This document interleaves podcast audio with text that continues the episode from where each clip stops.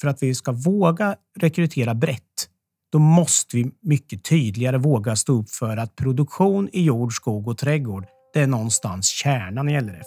Som LRFs dokument är formulerat nu, visionsdokumentet, så är det formulerat så alla som har en liten plätt utanför 50-skyltarna kan hitta något gött i gött där och känna sig inkluderade här.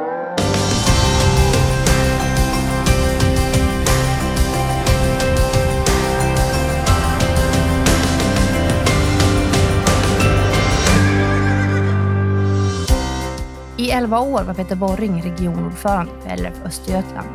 Nu har han avgått och till vår reporter Göran Berglund delar med sig av sina tankar kring LRF och en hel del annat spännande som jordbrukets situation överlag.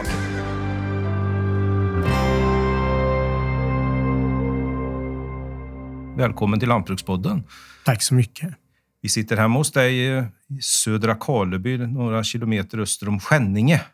Och jag tänkte så här att hade detta varit tusen år sedan och en västgöte hade begett sig här över så hade väl det hela kanske inte slutat så väl. Men nu har vi druck, istället druckit lite kaffe och, och bara haft det trevligt. Ja, du hade inte kommit över Vättern, i alla fall inte på den här sidan levande förmodligen. Så är det. Ja, men det är ju tecken på att eh, utvecklingen går framåt på något sätt ändå. I ett LRF-sammanhang så kan vi väl konstatera att eh, östgötar och åtminstone skaraborgare har historiskt drivit rätt så bra ihop och krokat arm i många frågor för att det har varit två produktionsstarka regioner och som någon uttryckt sig relativt svårtyglade LRF-pastorat. Så de har varit på det. Vi har varit, haft lite samma mentalitet.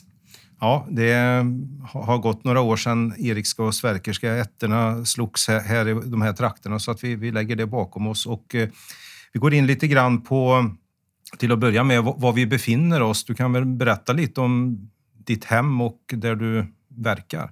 Ja, vi sitter nu på, på Södra Karleby frälsegård som jag, som jag driver och bor på här. Och eh, här har vi en del arrenden, eh, eller här har jag stiftsarrenden stiftsarrende från kyrkan och sen i övrigt familjeägd mark, min mark.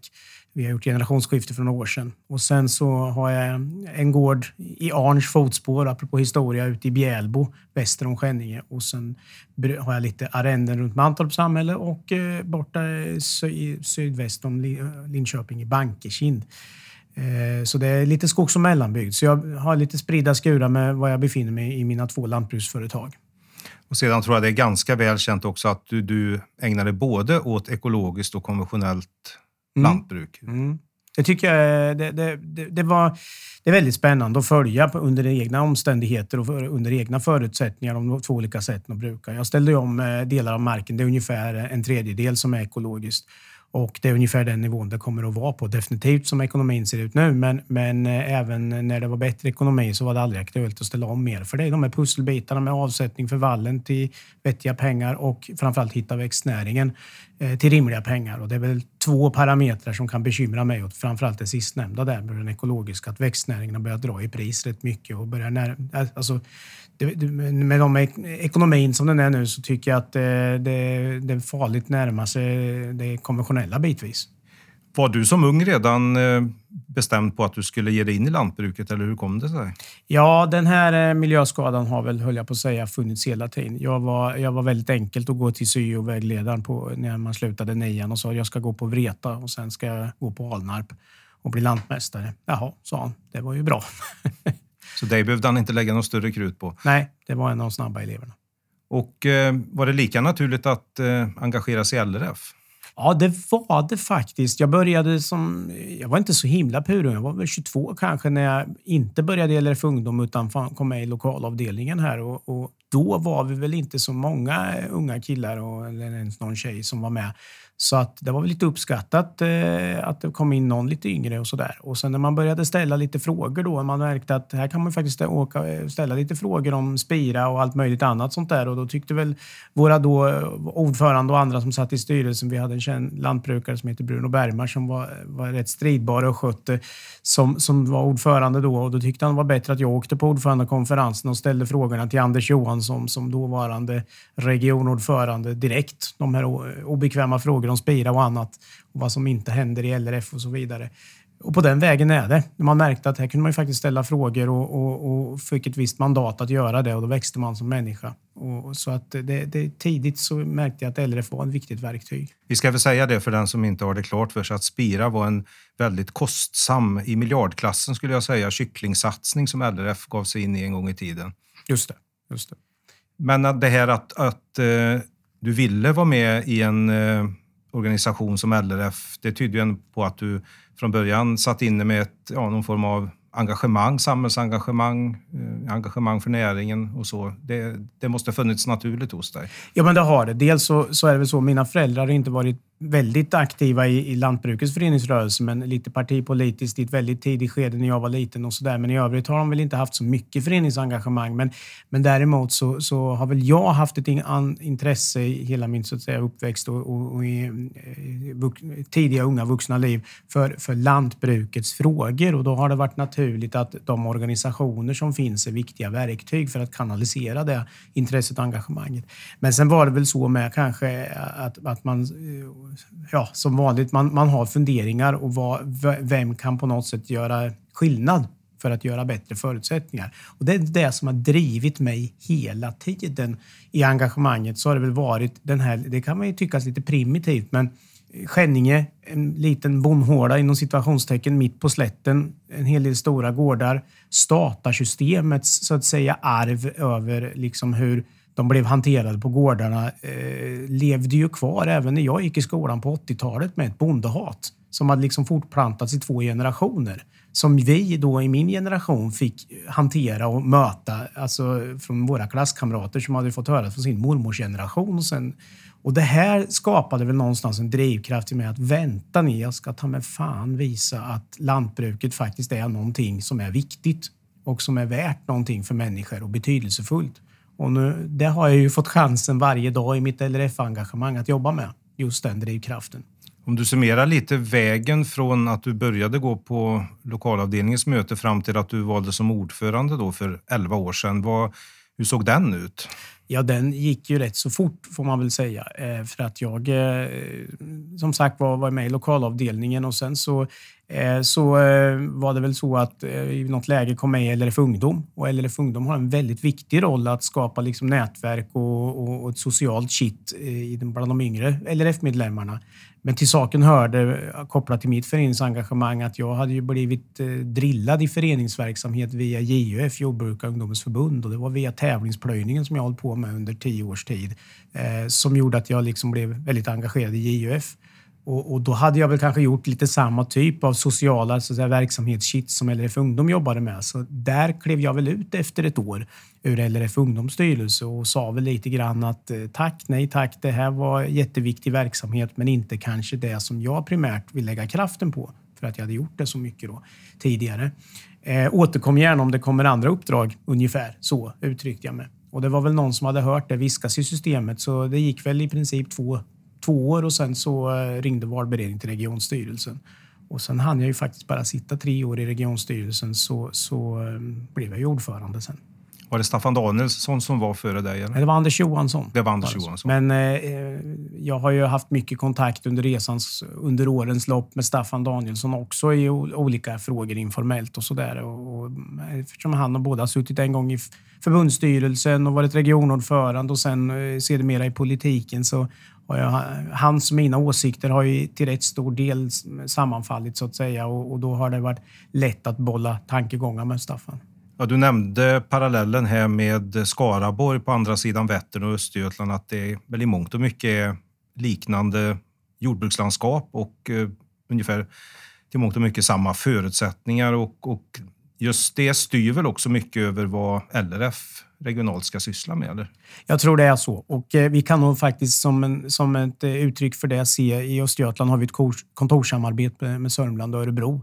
Och utan att på något sätt lägga någon värdering i vad som är rätt och fel så kan man väl konstatera att våra medarbetare beskriver ju att det skiljer sig rätt mycket åt eh, hur de olika ändå regionstyrelserna tänker och liksom hur hårt olika frågor sitter. Vi kan se att exempelvis så sitter äganderättsfrågorna rätt så hårt i märgen på en östgötsk bonde. Och det kan möjligen vara så att vi har varit självägande bönder i väldigt mycket omfattning i, i, i Östergötland.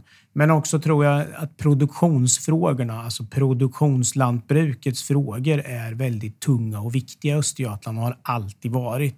Utan att förringa människors engagemang för det i andra regioner så, så kan vi jämföra i exempelvis Sörmland och Örebro att, att eh, i LRF-sammanhang så kan man kanske se att lantbruk, landsbygdsföretagandet är så mycket mer diversifierat.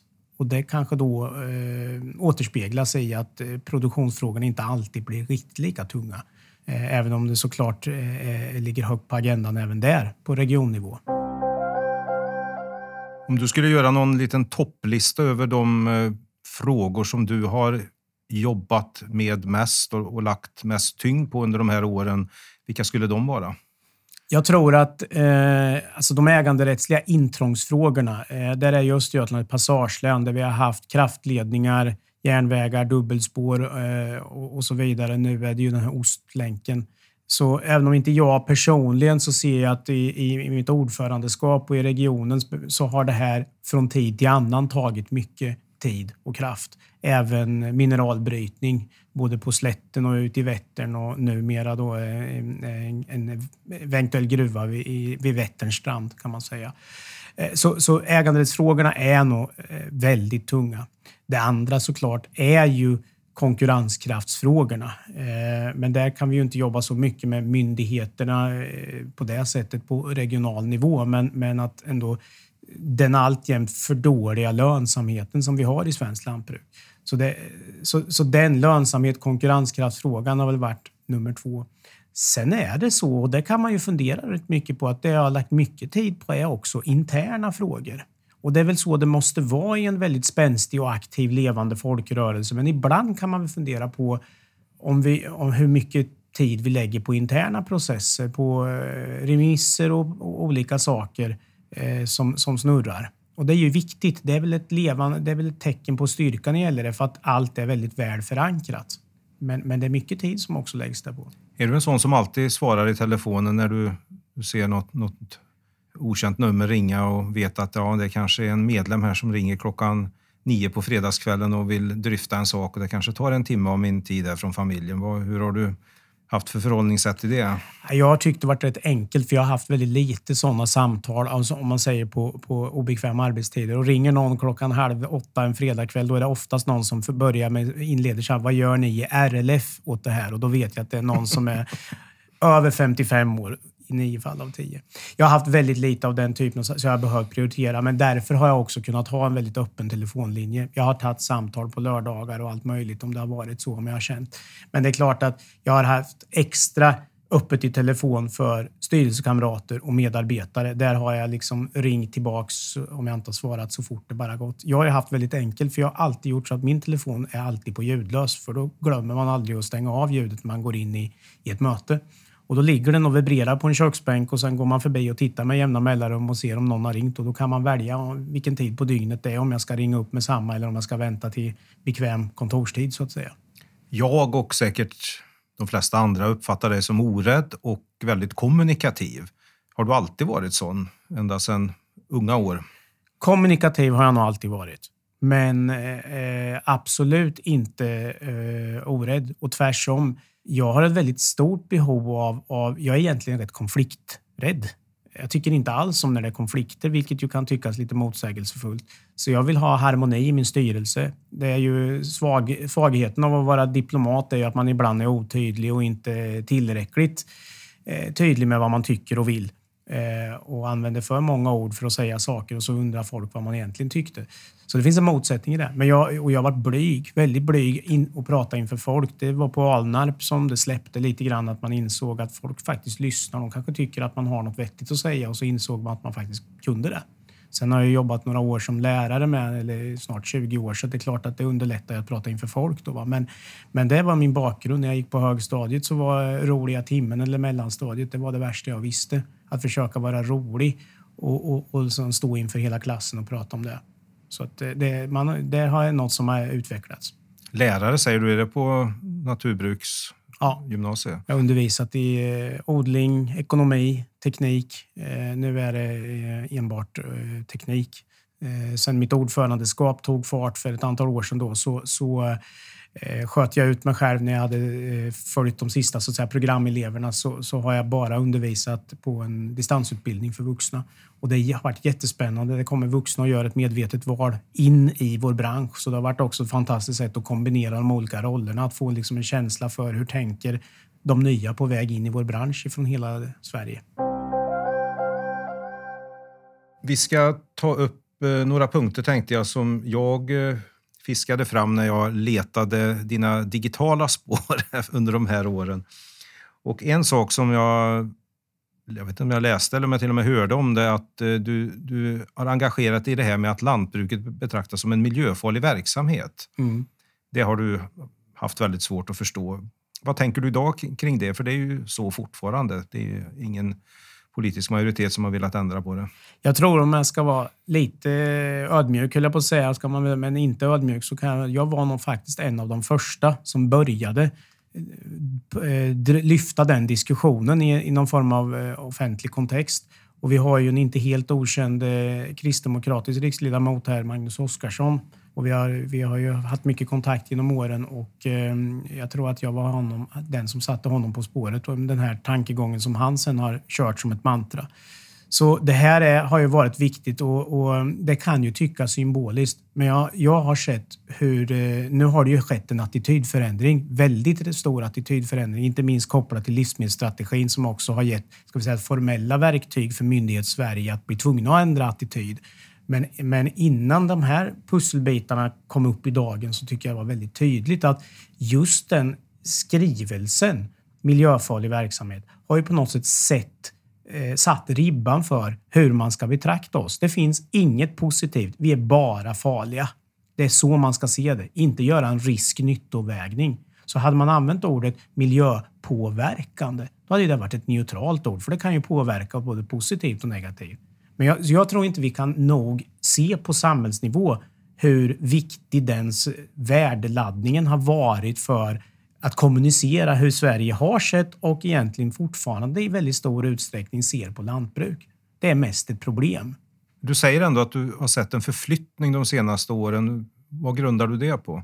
Ja, men det, det, den är ju otvetydigt att eh, dels så ser vi ju konsumentattityden bara fortsätter att öka i positiv eh, omfattning eller inriktning för hur bonden som varumärke stärks och förtroendet för svenska bonden är väl bland de högsta i, i världen, höll jag på att säga för, för bonden som, som varumärke och person.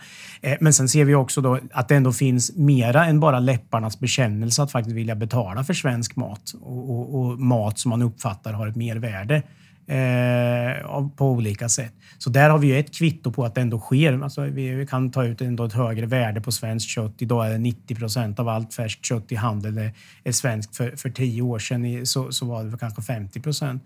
Så det är klart att där har vi ju fysiska mått på det, men också då inte minst att vi antog en livsmedelsstrategi som för första gången på 30 år faktiskt fastslår i politiskt dokument att vi ska öka produktionen mat i Sverige. Det här är ju helt unikt. Jag tror inte ens många bönder fattade vilket alltså, vilket paradigmskifte det politiskt egentligen var. var eh, och så. Sen att, har jag all respekt för att vi på gårdsnivå inte uppfattat att det har hänt så gigantiskt mycket skillnad.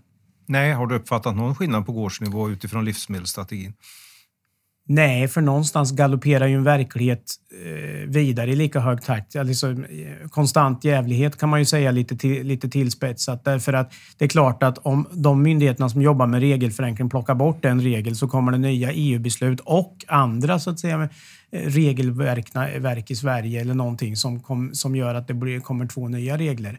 Så, så någonstans är ju summan på det sättet lika lika tokig. Eh, viltfrågan gör ju att eh, det snarare backar. Vi pressar produktionen eh, även fast vi eh, uppfattar att vi har fått en annan diskussion i samhället och en insikt, probleminsikt om exempelvis viltproblematiken och vad den skad och skapar för negativa effekter. Så ändå så är ju verkligheten på gårdsnivå kanske fortfarande tyvärr på väg åt fel håll.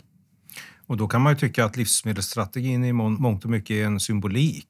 Ja, och det kan man ju tycka och det är den väl till vissa del, men det är en viktig symbolik. Därför att när man har jobbat i den rollen jag ser har gjort nu i LRF så ser man ju hur den verkligen har ändå gjort ett avtryck på att vi har en helt annan klangbotten att diskutera på Länsstyrelsen. Det är inte bara inom situationstecken våra vänner som jobbar med produktion på lantbruksenheten. Utan någonstans så finns det ett förpliktigande i det här dokumentet där vi ändå kan säga, men i enlighet med livsmedelsstrategin, hur jobbar ni på naturvårdsenheten? Hur jobbar ni på det här? Hur väger ni helheten? Hur väger ni livsmedelsstrategin? Eh, så det, det har ändå gett ett verktyg. Det har gett ett uppdrag via livsmedelsstrategin till ett antal nationella myndigheter att jobba med förenklingar men också eh, andra kostnader och så vidare. Sen kan man se fortfarande att där jag tycker att livsmedelsstrategin fortfarande är mest symbolisk, det är på det sättet att politiken som har beslutat runt den har inte viktat hur målen i livsmedelsstrategin ska väga gentemot andra mål i andra strategier. Exempelvis de målen i den beslutade rovdjurspolitiken, målen i naturvårdspolitiken, målen kopplat till övergödning och så vidare. och så vidare. Där är det fortfarande så att det är så mycket lättare. Vi pratar miljöfarlig verksamhet. Det är mycket lättare att luta sig mot miljöbalken och säga livsmedelsstrategin är nog bra, men miljöbalken säger fortfarande det här. Så där behöver ju politikerna göra sin läxa att också ge livsmedelsstrategin rätt politiska tyngd och legitimitet. Under åren som regionordförande, räknade du någon gång på hur mycket tid uppdraget tog i anspråk för din del? Ja, det gjorde jag vid några tillfällen, eller har gjort. Och då brukar jag säga när jag fått den frågan från medlemmar och andra att över tid så la jag väl en halvtid. Eh, men sen inser jag att det kanske var blygsamt för att det kanske är betydligt mer man har lagt. Men om jag tittar på det över tid, för det är klart det är tider på året, på sommaren, eh, som det är lite mindre med fysiska möten och eh, det jag lägger liksom kanske inte en, dag på, en, en, en timma på mejlen varje kväll och så vidare och så vidare. Men visst, eh, någonstans så, så, så eh, 50 till 70 procent eh, får man väl lägga kanske så. Sen beror det på hur man väljer att jobba. Jag valde ju dels för att jag har ett väldigt brett allmänintresse, alltså många frågor som kommer på en regionstyrelses bord engagerar mig. Jag har svårt att låta bli att engagera mig. Plus att jag tycker att som ordförande får man också ofta frågor och då tycker jag, men jag lägger ingen värdering om andra väljer att resonera annorlunda, men för min del var det väldigt viktigt då att ha en grovkunskap om alla frågor och det gjorde att jag tog väl alla mediapuckar själva. En del regionordförandekollegor väljer ju eh, att jobba istället smartare på det sättet att man skickar ut eh, frågor även från media direkt till sakkunnig i styrelsen. Eh, men jag, jag byggde väl upp en väldigt hög så att säga servicegrad mot media Eh, och också då hade en hög tillgänglighet i den servicegraden. Och det gjorde att jag var liksom, jag var kontaktad i alla frågor och tog puckarna rätt mycket själv. Men det gav ju ett genomslag. Palle sa ju när han avtackade mig att jag tydligen hade förekommit i skriftliga reportage 1700 gånger. Och det blev ju tre gånger i veckan där faktiskt. Eh, så, så någonstans såklart, hade väl den här servicegraden mot media gjort ett, ett litet avtryck i alla fall på att det ändå fick en effekt på ett genomslag. Och då drar jag slutsatsen att du inte direkt vantrivs av att figurera i media. Nej, jag tycker inte att det har varit... Alltså, på, jag har aldrig haft några problem med journalister och det har väl att göra med att, att lantbrukets journalister har aldrig varit sådana som har satt knivar i ryggen på en och i övrigt som regionordförande har man inte så mycket att göra med eh, riksjournalisterna. Enda gången jag pratar med nationella journalister det är oftast på sommaren när det är nyhetstorka, när eh, kommunikationsavdelningen ofta hänvisar de, eh, journalister till mig för de visste att jag inte tog så mycket semester. Eh, men, men, eh, men, annars har jag bara pratat med regionala och lokala och de, de, där vi lever i en symbolik. Lantbruksjournalister eller, eh, och sen regionala journalister. Vi är beroende av att vi vill kunna träffa varandra igen och ha goda samtal. Och sen finns det väl också en, en möjlighet som media erbjuder, om det nu är lokal regional media, att ändå på något sätt nå ut med det du vill säga till allmänhet och, och påverka i din riktning? Ja, jag, jag vill väl hävda då att Eh, om vi har sett om vi pratar att vi skriver en debattartikel eller att jag finns i ett radioinslag så, så har det ju eh, 50 procent är ju medlemsvård. Det vill säga visa för medlemmarna att jag faktiskt har en åsikt, att jag finns, för ut budskapet. Eh, och det tycker jag är en väldigt viktig del. Och den andra halvan är såklart att föra ut ett budskap till en bredare allmänhet. Och, och därför kan jag ibland bli lite jag störd på att LRF pratar så mycket i kommunikationstermer av intern och extern kommunikation i ett läge idag när kan vi väl i och för sig målgruppsanpassa via digitala medier i kommunikation så att vi bara kör en viss typ av kommunikation till medlemmar som vi har medlemsbrev till eller Facebookflöden. Det kan ju så vara. Men som sagt väldigt mycket av kommunikationen sker ju där både medlemmar och all allmänhet tar del av. Och det är väl det som gör det så himla svårt. Om ICA-handlaren får en köttfärsskandal, då kan de ju i princip sälja sin mor bara för att framstå som trovärdiga för att få sälja mera köttfärs och minska skandalen. Men vi ska ju både klara att vara trovärdiga inför en konsument och, och allmänhet beslutsfattare och samtidigt säga det som medlemmen tycker är kraftfullt och, och, och, och, viktigt nog för att de ska vilja fortsätta betala medlemskap. Och det gör nog att kommunikation, det är väl därför som man som kommunikationsdirektör har någon medellivslängd på, på jobbet så att säga i LRF på vad är det, ett och ett halvt år eller något sånt där. Oj, det låter kort tid. Ja, men det är ju så. Det finns ju en historik. Jag vet inte hur många kommunikationsdirektörer eller kommunikationschefer som har avverkat inom situationstecken under min tid. Har du någon uppfattning om i vilken mån du har nått ut utanför lantbrukarsfären här i Östergötland? Hur igenkänd du är? Alltså det ska man ju andra egentligen bedöma, men, men det är klart nu i samband med att man slutade, det var väl då som man liksom började kanske förstå att jag tror att jag har lyckats nå ut till en rätt bred allmänhet här i Östergötland på regionalplan. Och det tror jag återigen har att göra med att jag tidigt valde att på något sätt vara bekväm med att se media som ett bra verktyg. Eh, för media har ju haft mycket kontakt med mig och ringt och gjort snabba puckar och vi har skjutit snabbt. Och det har väl gjort att vi har trängt ut till många utanför lantbruket också. Eh, så, så, så det har varit en viktig del för mig att liksom försöka nå bredare. Jag har ju lagt otroligt mycket kraft. Det LRF nu i med, med hållbarhetsambassadörer som jag kommer vara en av, av ett 40-tal kanske som ska ut och prata om de här hållbarhetsmålen som vi kan återkomma till lite grann. Eh, och då i första läget så är det ju tänkt att prata med internt, men i, i, i, förlängningen sen så är det ju tänkt att det här ska ske externt mot en bredare allmänhet och beslutsfattare. Det har ju jag Eh, gjort i sju, åtta års tid. Eh, verkligen prioriterat att få åka ut i skolor, Rotary, all möjligt som inte är primärt eh, våra medlemmar för att prata just mat och klimat. Och det har varit väldigt uppskattat och intresserat. Jag har märkt där just också då hur intresset för våra frågor har ökat på senare tid. Då. Så, så för mig så känns det inte så konstigt att, att ut och prata med allmänheten. Det har varit, vid sidan av att liksom alltid finnas för medlemmar och det interna, så har det varit väldigt viktigt och prioriterat med de externa kontakterna. Under de drygt tio år som jag har jobbat på Land Lantbruk så har jag väl i stort sett en, under hela tiden skulle jag säga hört röster som säger att den här Peter Borring, han borde in i Riksförbundsstyrelsen. Men så har det inte blivit, åtminstone inte hittills. Eh, hur ser huvudpersonen själv på detta? Ja. Jag satt ju faktiskt en tid i LRs riksvalberedning och eh, jag blev ju krasst bortplockad därifrån. För att det kan man ju känna lite jobbigt man blir bortplockad från ett uppdrag. Men i det här fallet så var det rätt så lätt att ta det med en viss eh, så att säga, jämnmod eller snarare med ett visst smicker därför att argumenten var för att man tyckte att jag skulle vara valbar till förbundsstyrelsen.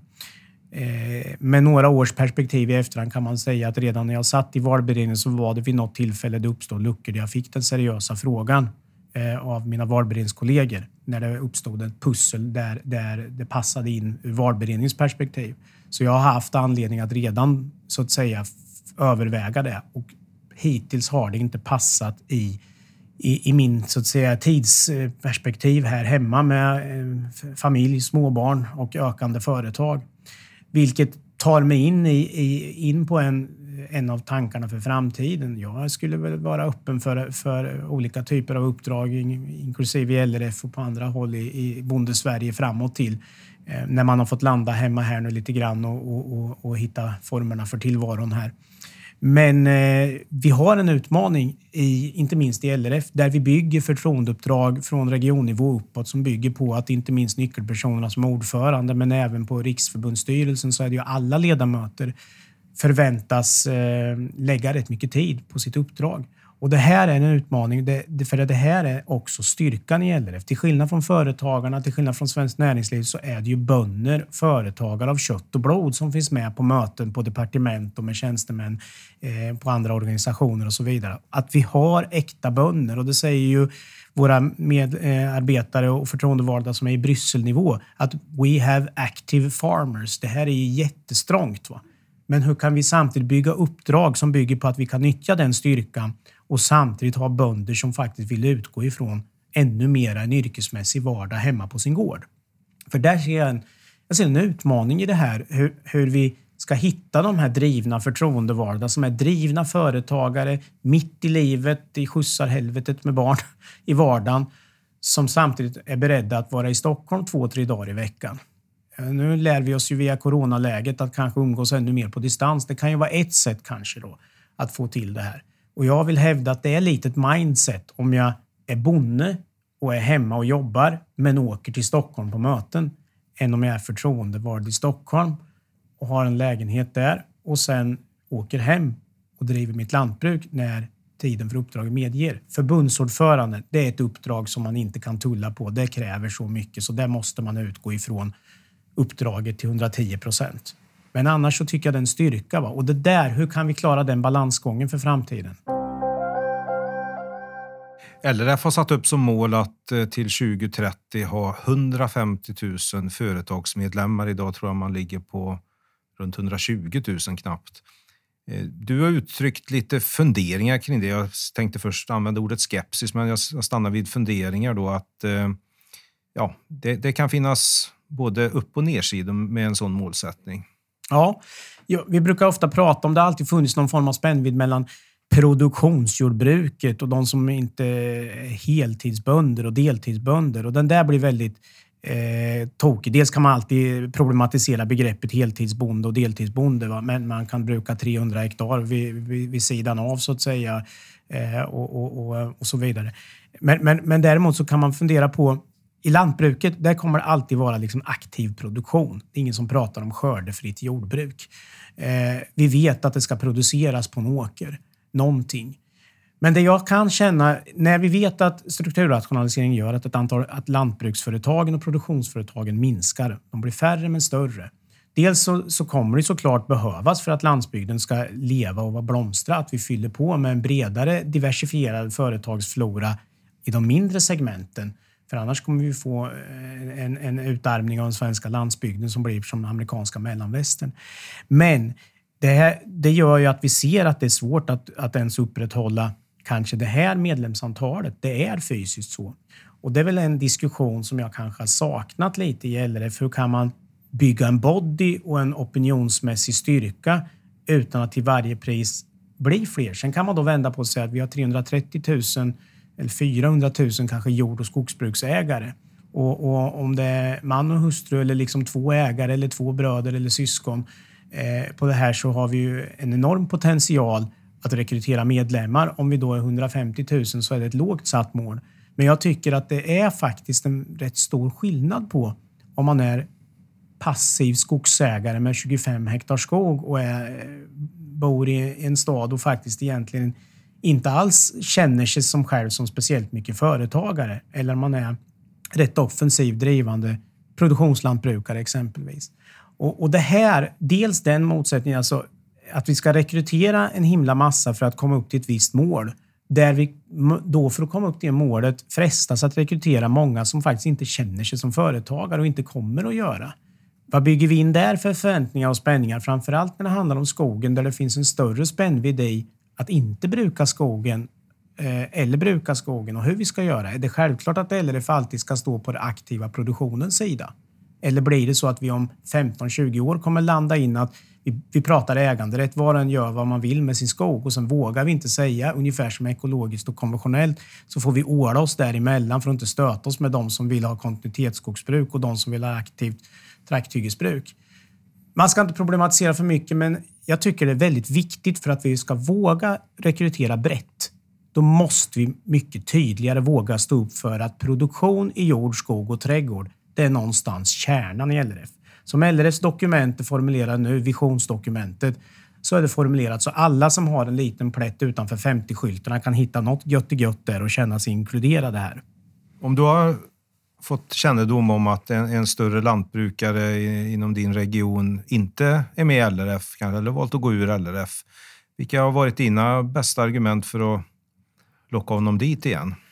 Jag har väl konstaterat då att mycket av det vi gjort då med dem jag pratar om intrångsfrågor har varit viktiga här i Östergötland. Alltså fysiska frågor som, eh, eh, för att inte ställa någon motsättning mellan eh, spannmålsodlarna eller för oljeväxtodlarna eller nötköttsproducenterna eller grisföretagarna och de här typen av organisationer som jag tycker är jätteviktiga, så har jag väl påvisat vad är det de här eh, andra organisationerna som vi har och kanske konkurrera med både som medlemmar eller alltså som förtroendevalda och, och förtroendevaldas kraft.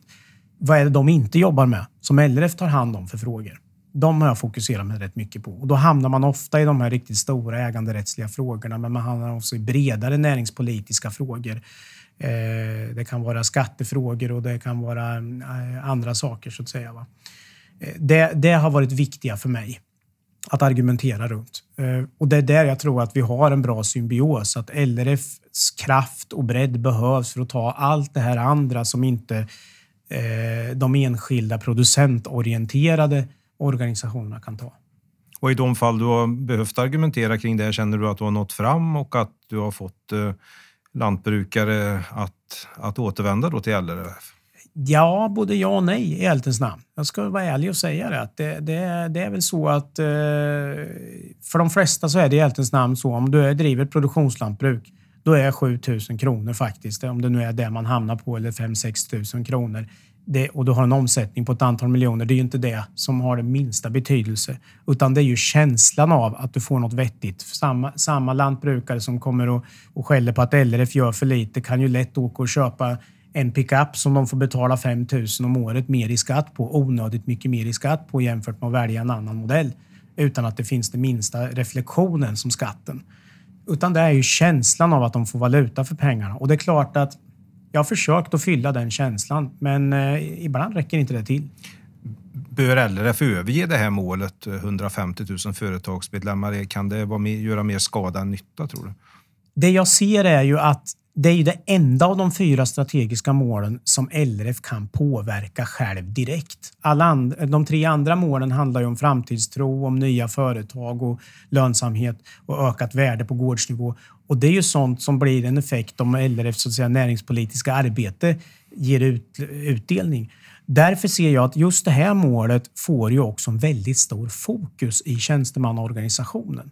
Och där kan jag då ibland känna att det blir väldigt mycket fokus på just antalet medlemmar. Och för oss i Östergötland så har ju, eh, så har ju eh, antalet hektar varit lika viktigt.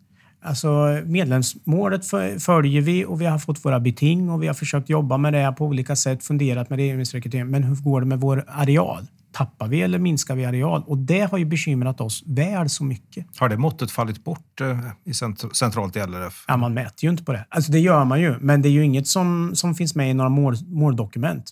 Och det borde det kanske vara då enligt din mening? Ja, det tycker jag. Det, det är det minsta man kan begära i en organisation som ska på något För att om vi ökar antalet medlemmar men vi, vi, vi, bara tittar på måttet, men vi har inte egentligen så mycket åsikter. Vi mera konstaterar det är ett jättemisslyckande om vi ökar med antalet medlemmar, men om arealen skulle sjunka. Och det vet vi ju att vi tappade ju väldigt mycket areal 2015 när vi gjorde en väldigt nödvändig omläggning av eh, medlemsavgiften. För det var nödvändigt, det står jag för. Rakt upp och ner, fast den fördyrade en del. Men, men eh, ja, då bör man ju försöka få tillbaka den arealen också. Vi tar ett hypotetiskt exempel. En, en produktionslantbrukare vill expandera sin verksamhet. Den är inte med i LRF.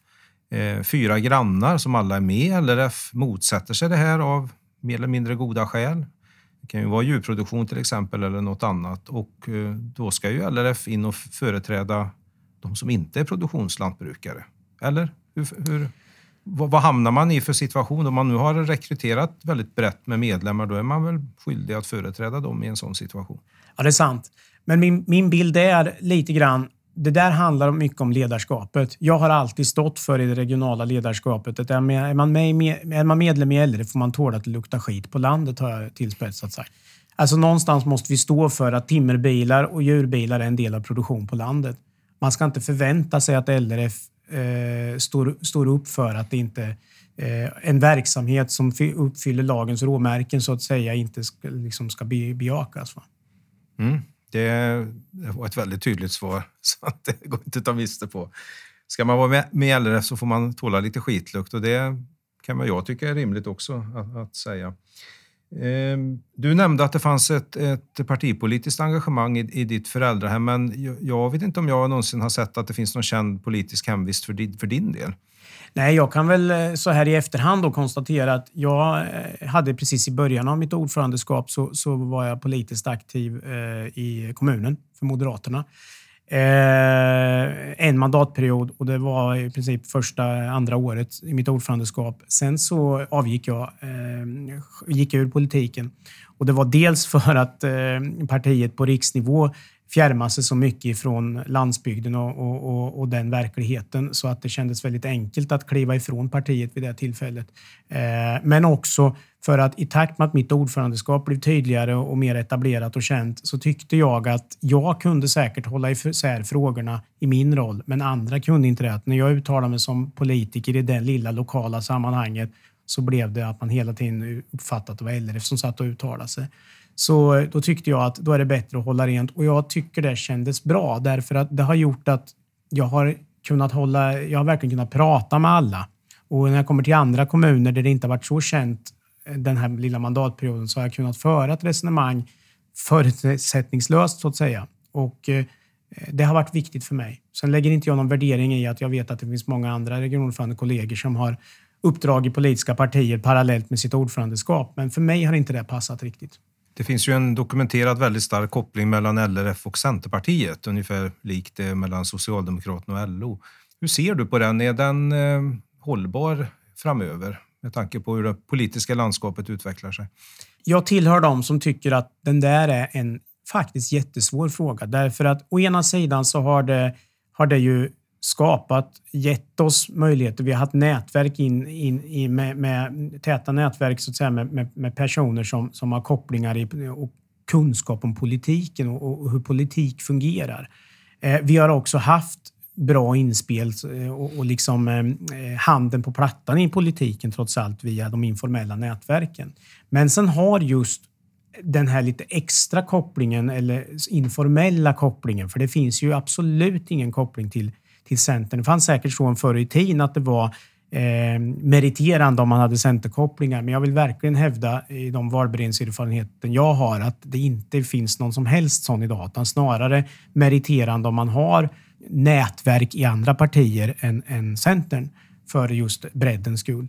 Eh, men, men, men det är klart att symboliken utåt ska ju inte förringas. Hur, hur man hanterar den för det, för det är klart att eh, många har ju tagit för givet, märker jag ju i mitt regionala ordförandeskap, att jag har varit centerpartist.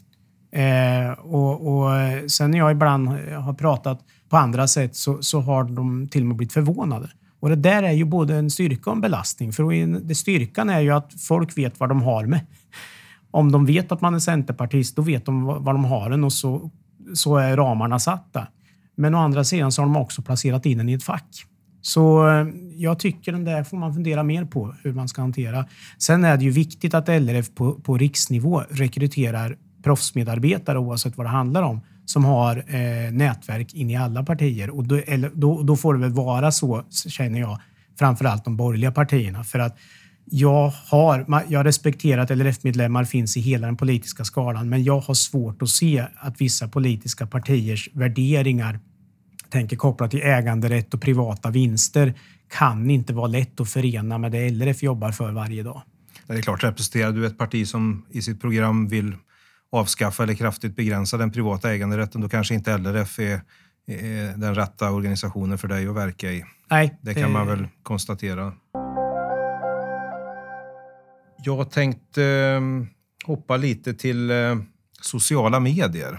Du har tillsammans med Håkan Nilsson varit eh, en av moderatorerna i en Facebookgrupp som startades för ett par år sedan som heter Vi är LRF.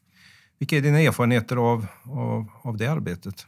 Ja, men vi, vi vill ju få igång den som en diskussionsplattform för att det fördes mycket diskussioner om LRF eh, och i andra social, eh, sociala medieplattformar eller andra diskussionsforum. Och då insåg vi att vi måste ju ha ett som faktiskt LRF-medlemmarna kan prata om. Och jag tycker det, den har, den har lyft mer och mer. Det ska vara den naturliga och jag själv har använt den när man behöver avreagera sig på frågor och ställa funderingar. Då kastar man ut det där och så får man lite hugg och lite funderingar. Och det är så jag vill att den ska användas, högt i tak. Och så pratar vi om sånt som LRF har förfogande över. Och det, det ställer ju viss krav på modererandet också, att det inte blir... För en del blir ilskna när de vill dela bra evenemang som är jätteinspirerande. Men det här ska inte vara en reklamplattform för lokalavdelningar eller regioner eller kommungruppers olika verksamheter. Det ska vara diskussionsforum. Och det är klart, det är delikat hur mycket man släpper upp diskussionen en del är rätt hårdföra i sitt sätt att argumentera och den, de blir, uppfattar ju gärna att det blir lätt blir censur när man markerar att de har ett lite hårdfört sätt att diskutera som inte alla kanske kan läsa igenom. Eh, och ibland är, är det kommentarer som går över gränsen och det där måste man klara som moderator. Då. Och jag är inte den som, som jobbat mest med modererande för min tid inte tillåtit hittills, utan det är andra som har varit mycket mer aktiva ska jag till säga. Eh, men sen ser jag bara som en koppling där, vi har en utmaning och den är det finns en jättestark efterfrågan från medlemmarna på VRLRF att se mer av exempelvis förbundsstyrelsens alla ledamöter vara aktiva i diskussionerna. Och samtidigt så vet jag att förbundsstyrelsen är försiktiga med att gå in för ofta och, och, tycka därför att det blir väldigt lätt att det uppfattas som när en förbundsstyrelseledamot med kanske väldigt mycket kunskap i en fråga så uppfattas den som att den går in och styr upp diskussionen och kanske rent av vill försöka dämpa och få den att lägga sig. Och den där behöver vi fundera mer på hur vi fångar de, de sakerna så vi får se mer av förbundsstyrelsen att de känner sig stödet i ryggen och trygghet och modet att gå in och vara aktiva i den diskussionen. Och samtidigt att inte enskilda medlemmar uppfattar det då som att de, ska, att de styr upp det. Vad är det som håller tillbaka styrelseledamöterna i riksdag tror du från att, att uh, vara lite mer aktiva? Alltså, diskussionerna i LRFs förbundsstyrelse, tror jag med veta, sker ju på en sån ändå strategisk nivå där olika väganden läggs i olika skålar. Så mycket av det som diskuteras då i trådarna har ju varit och vänt i olika frågor på något sätt i ett övervägande.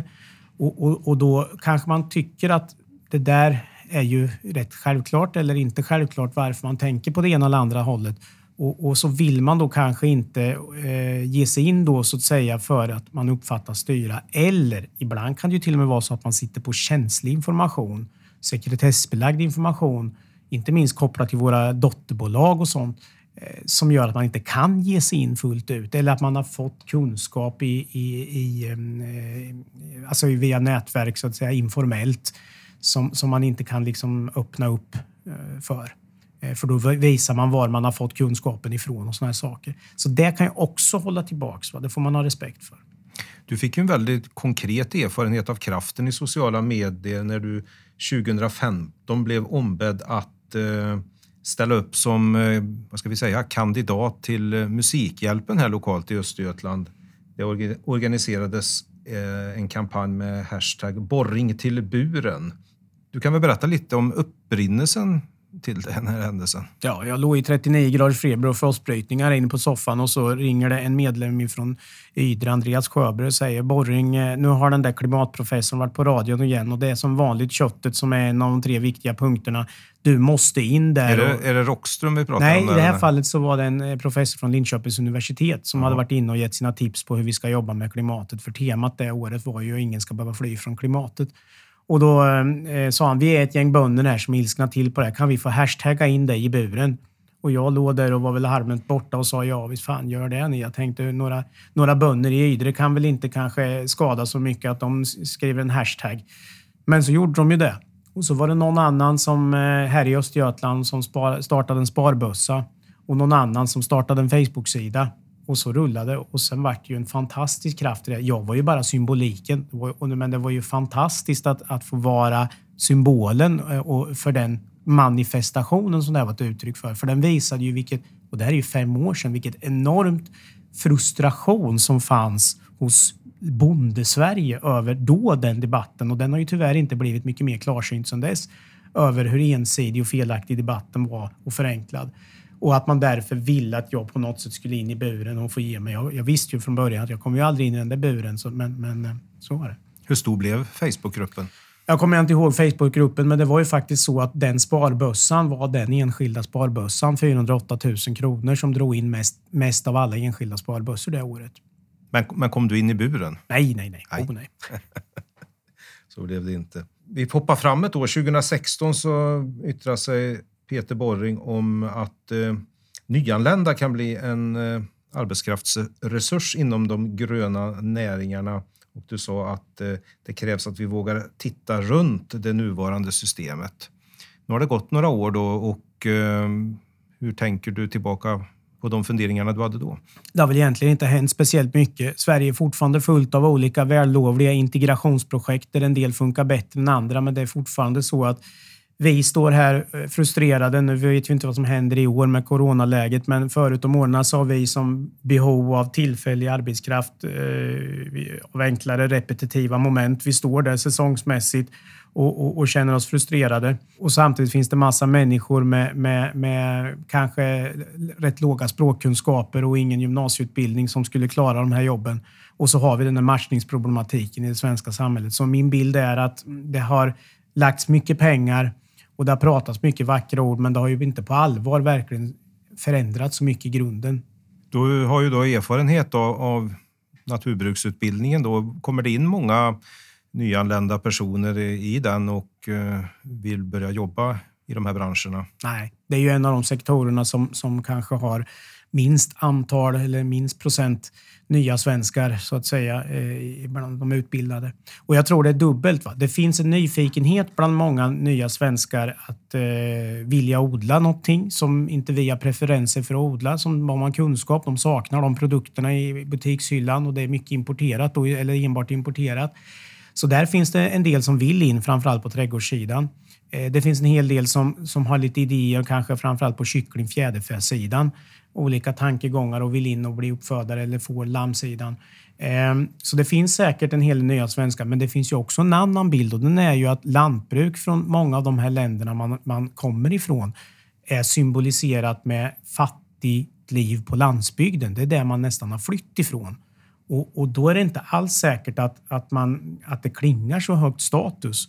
Och eh, det, det, det misstaget kanske, eller den bilden man får jobba med gentemot de nya svenskarna. Sen har vi på det andra hållet, från etniska svenskar och från systemet, så finns det ju ibland en, en, en övertro på integrationsläget därför att våra väldigt högteknologiska branscher med mycket ensamarbete, extremt högt ansvarstagande för, för djur och maskiner och avancerade anläggningar kräver mycket utbildning och, och, och, kunskap och framförallt faktiskt språkkunskaper och kulturellt. Att man vågar erkänna att jag förstår inte det här.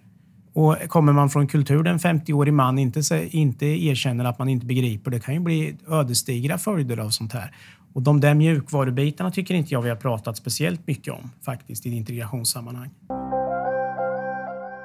Jag tänkte säga att eh, inom kort här så, så ska vi åka på, i alla fall du ska åka på riksförbundsstämma. Men så blir det ju inte riktigt i år med tanke på, på, på hälsoläget. Då. Men eh, vad skulle du vilja se från LRFs riksstämma anno 2020? Vad, är, vad, vad, vad, bör falla ut av den? Ja, det är klart vi har ett antal frågor som, som, som är väldigt viktiga och, och nu vet inte jag om vi ens har några sådana motioner, men, men det är klart att LRF har ju ett antal framtidsfrågor man behöver titta på. Den långsiktiga finansieringen har vi pratat om att den ska säkerställas över tid. Men hur ska LRF i den här, den här processen vi har varit i nu, framtidens folkrörelse? Vi har bestämt att vi ska vara en stor folkrörelse. Överhuvudtaget kan jag väl känna att ja, det kanske vi ska vara, men, men den, redan där utgår den ifrån att det ska ske väldigt mycket ideella under. Jag är inte helt säker på att det kommer att låta sig göras annat än i lite avgränsade saker. Eller det kan säkert ske, men det här vill jag ha en mycket djupare diskussion om än vad vi har åstadkommit i den här framtidens folkrörelse.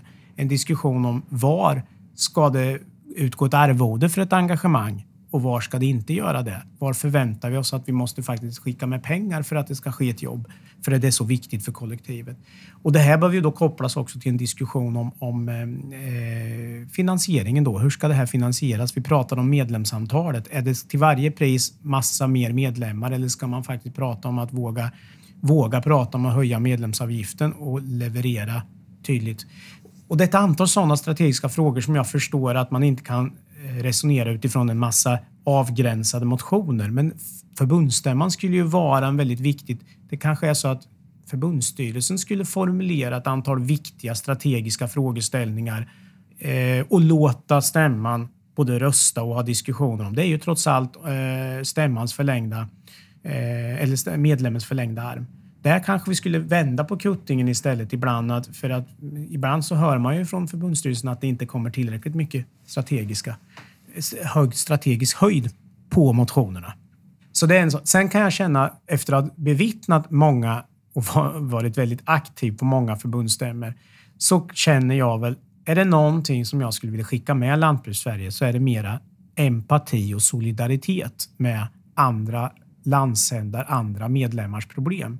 Jag märker att det finns en väldigt utbrett fenomen att man är väldigt principiell i sitt sätt att se på en fråga. Oavsett om det är äganderätt, om det är jordbrukspolitik, om det är viltfrågor eller vad det är. Ända till dess att frågan landar i ens egen bygd och påverkar en själv. Då är man beredd att gå ifrån vilka principer som helst och politik och samhälle och LRF då ska verka för att lösa det här. Va? Men innan dess är man väldigt principiell, att den egen enskilde företagarens roll och det är äganderätt och så vidare. Och så vidare. Och det där, att se runt hörnet lite grann och faktiskt, okej, okay, det här är tydligen ett problem i en annan bygd av Sverige. Här måste jag kanske faktiskt inse att den här principen som jag förespråkar kanske inte funkar. Det saknar jag ibland. Mitt intryck är att du som person, nu får du rätta mig om du tycker jag har fel, men att, att du är nästan lite för för ärlig för att passa i de här eh, styrelserummen högst upp. Eh, har jag rätt i det eller vad känner du kring, kring en sån beskrivning av din person? Jag vet inte. Eh, för svarar jag ja på den påståendet så antyder man ju indirekt att det skulle finnas en, någon form av dold agenda eller oärlighet och det tycker jag ju inte. Men däremot så är det nog svårt att... Jag har sagt så här varje år. Så jag står stenhårt upp för det jag tror på. Och det finns en möjlighet nästa stämma att plocka bort mig. Och jag har varit princip, principiellt har det varit prestigelös inför att också så ska kunna ske. Och det har ju gett mig en trygghet i att när jag får ett förnyat mandat eller jag känner att jag ligger rätt så känner jag ju ännu mer trygghet i att våga också stå för det jag tror på. Och där finns det däremot ett utbrett, tycker jag, problematik i svensk samhälle oavsett om vi är politik, i intresseorganisationer eller i fackföreningsrörelse. Att man blir så lojal med sitt uppdrag så att man glömmer ibland vem som är ens uppdragsgivare. Och jag lyfter Finn Bengtsson, Staffan Danielsson men även Alika Lillemets och Carl Schlüter. De där fyra miljöpartisterna som jag kanske inte fullt ut delar åsikter med. Men det hedrar dem att de här vågade gå emot sitt eget parti. För man uppfattar att nu går vi ifrån det som är våran principiella eller det vi har fått ett uppdrag från våra väljare om. Och det är ju, jag har sagt att om vi tar Finn Bengtsson och Staffan Danielsson, ska man vara man och 60 plus i Sverige för att våga stå upp för det som man uppfattar att man har mandat för? Uppdraget i sig får inte bli viktigare än det du har, av den, den anledning du har fått uppdraget till att Nej. börja med? Va? Du, ska, du ska vara beredd att kunna... Det är ett förtroendeuppdrag. Och känner man att det här kan inte jag stå för och det ska exempelvis föregående förbundsordförande Helena ha ett eloge. Vi hade inte alltid samma åsikt när det gällde hanteringen av Sverigedemokraterna. Men hon stod upp för det hon uppfattade tydligt och hon var beredd att stå upp för det. Och det ska hon ha en eloge för. Du nämnde tidigare och jag tänkte vi skulle runda av lite med det att du kommer att bli en hållbarhetsambassadör för, för LRF. Vad innebär det mer konkret? Tanken var ju då innan corona att LRF eh, nu då ska jobba i en trestegsraket kan man säga med, med de här hållbarhetsmålen för den gröna näringen. Nu är själva målen formulerade dokument. Nu ska själva strategin arbetas fram.